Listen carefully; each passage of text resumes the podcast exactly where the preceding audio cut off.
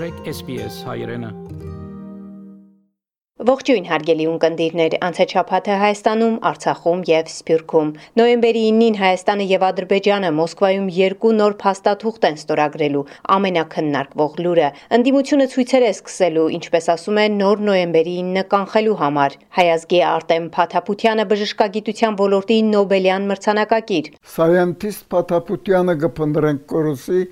ես հայրն եմ Այս եւ այլ նորությունների մասին առավել մանրամասն նախ կարճ նորություններ։ Այս պահի դրությամբ Հայաստանի վարչապետի եւ Ադրբեջանի նախագահի միջև որևէ հանդիպում նախատեսված չէ։ Հայտնում է Հայաստանի արտգործնախարարությունը, ընդգծելով կան տարբեր ֆորմատներով տարբեր հանդիպումների առաջարկներ, որոնք քննարկման փուլում են։ Ռուսական լրատվամիջոցներն են գրում, թե Մոսկվայում նոյեմբերի առաջին տասնօրյակում սպասվում է Փաշինյան-Ալիև-Պուտին հնարավոր հանդիպում։ Ռուսաստանը կարող է առանցքային դեր խաղալ Հայաստանի եւ Ադրբեջանի սահմանին խնդիրների լուծման գործում եւ այդ հարցում կողմերից բացի որևէ այլ մեկի մասնակցությունը պետք չէ, այս մասին հայտարարել է Ռուսաստանի նախագահ Վլադիմիր Պուտինը։ Հիմա ամենակարևորը սահմանին իրավիճակի վերջնական կարգավորումն է եւ այստեղ իհարկե առանց Ռուսաստանի մասնակցության հնարավոր չէ որևէ բան անել։ Շատ པարզ ու պրագմատիկ բաներ կան, որովհետեւ ռուսական բանակի գլխավոր շտաբում կան քարտեզներ, որոնք ցույց են տալիս ինչպես է անցել երկու խորթային հանրապետությունների սահմանը խորթային տարիներին։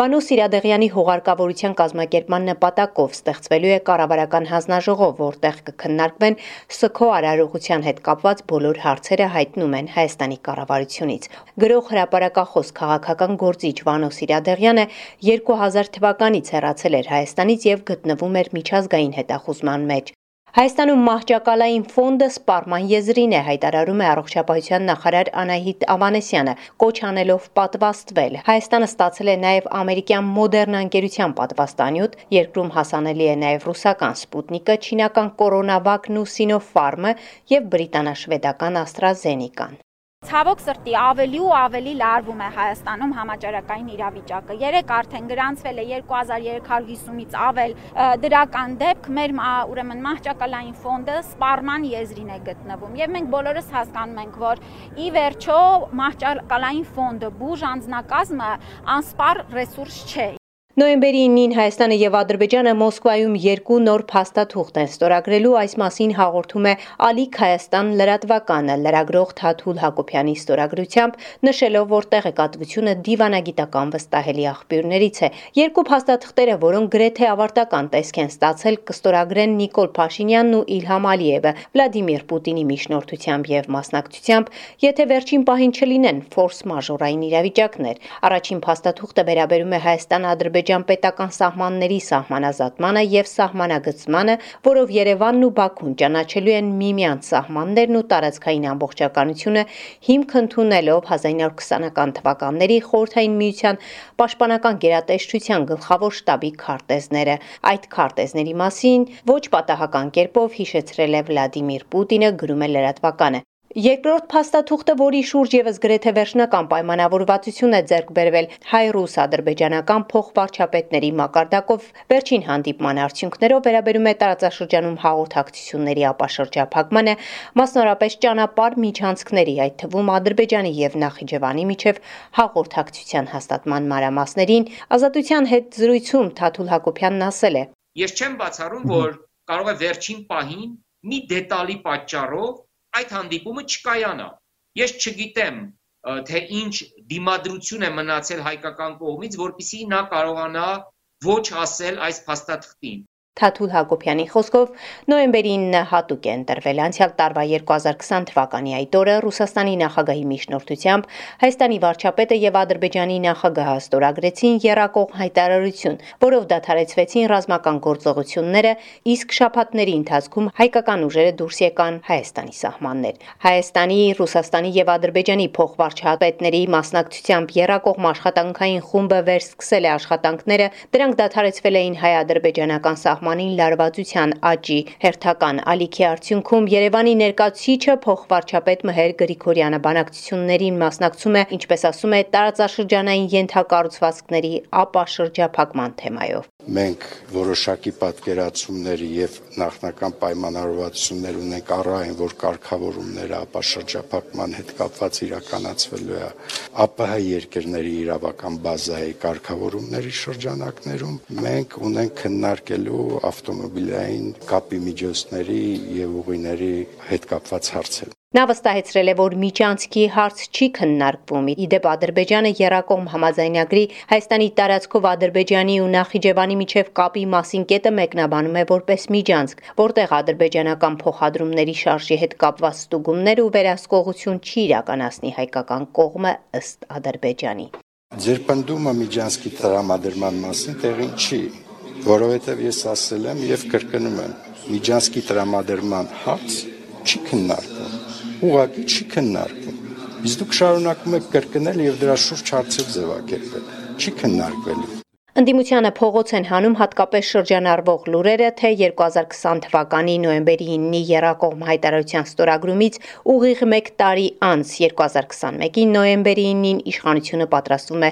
նոր փաստաթուղթ ստորագրել։ Ռոբերտ Քոչարյանի գլխավորած Հայաստան Դաշինքի անդամ Արծիվիկ Մինասյանն ասում է. Բոլոր գործիքներն օգտագործելու են, թե վաղը հravirվող հրատապ նիստն է, թե հայտարարություններն են, թե կառավարության այդ հարցու պատասխանն է, թե արտախորհրդարանական գործողություններն են լինելու դրան միտված, որ เป զի կանխեն ոչ թե փաստը արձանագրենք եւ փաստից հետո նոր սկսենք պայքարել հետևանքների վերացման, այլ ի սկզբանե կանխել։ Անկամ նույնիսկ բանակցային, եթե ինչ-որ process է գնում, դա պետք է լինի հրաապարակային։ Չի կարող իշխանությունը այս իր թակուն կեցվածքը շարունակի Արցախ 2020 թվականի պատերազմից հետո Ստեփանակերտի վերականգնողական կենտրոնի անելիքներն ավելացել են։ Դա արագացրել է վերականգնողական կենտրոնի արդիականացման նրա հնարավորությունները ընդլայնելու ծրագիրը, որը կար դեռ մինչև պատերազմ։ Պետական միջամտությունից բացի ծրագրի իրականացմանը նաև բարեգործական կազմակերպություններն են միացել։ Պատերազմից վիրավոր բազմաթիվ հայորդիներ վերականգնողական շրջան են անցնում այստեղ։ ելել է դեր վիրավորվել եմ առաջի օրը վիրավորվել ոտը սա վիրավորվել ազդարային հատվածը կարճացումատո է 10 սանտիմետր դե հիմա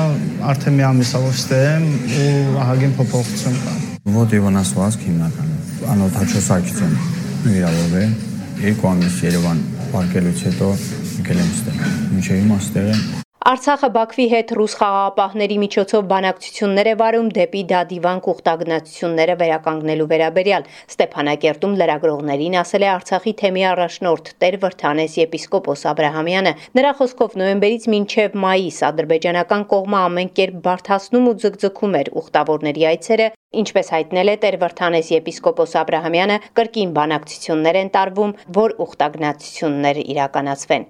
Սփյուռք. Բժշկագիտության ոլորտի 2021 թվականի Նոբելյան մրցանակը շնորհվել է ամերիկահայ գիտնական պրոֆեսոր Արտեմ Փաթափությանին։ Մրցանակը շնորհվել է ջերմաստիճանի եւ շփման ռեցեպտորների հայտնագործության համար։ Արտեմ Փաթափությանը Ամերիկայի գիտությունների ազգային ակադեմիայի անդամ է, ծնվել է Բեյրութում։ Լիբանանի քաղաքացիական պատերազմի ժամանակ ընտանիքի հետ տեղափոխվել է Միացյալ Նահանգներ։ Արտեմի հորը Սարգիս Վահագնին են զանգել որդու մրցանակի մասին պատմել։ Ամերիկայի ձայնի հետ զրույցում հայրը ասել է. Սա Փաթապուտյանն է,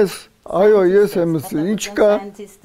Սա Ստոկհոլմեն գերացայն եմ գոր սայենտիստ Փաթապուտյանը գփնդրենք կորուսի, չէ, սավ չեն գտներ գոր։ Ասա ես հայրն եմ, հիմա ցեզի հերացայինի տիվը գուտամ։ Հայրը միջազգային լրատվամիջոցներին, որ զանգել են որդու հետ հարցազրույց ունենալու համար, պայման է դրել. պետք է նշվի Նոբելյան մրցանակակրի ցակումը հայ։ New York Times-ը հերացայինեց նմանապես, որ դու հասցեն գուզեն կորապահ տելեֆոնը New York Times տերտը։ Ուդամսի մեկ պայմանով, ինչ է,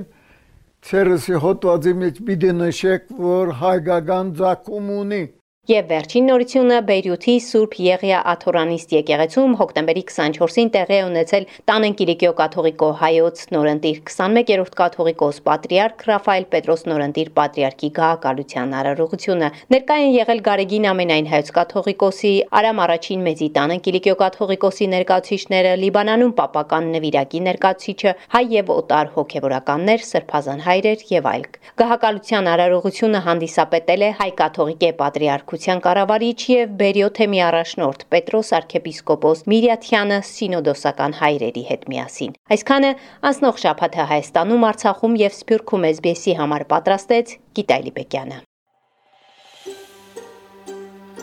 Կուզես լսել նման բանություններ, կընտրե Apple Podcast-ի, Google Podcast-ի, Spotify-ի վրա, կամ որտեղեն որ podcast-ը կլսես։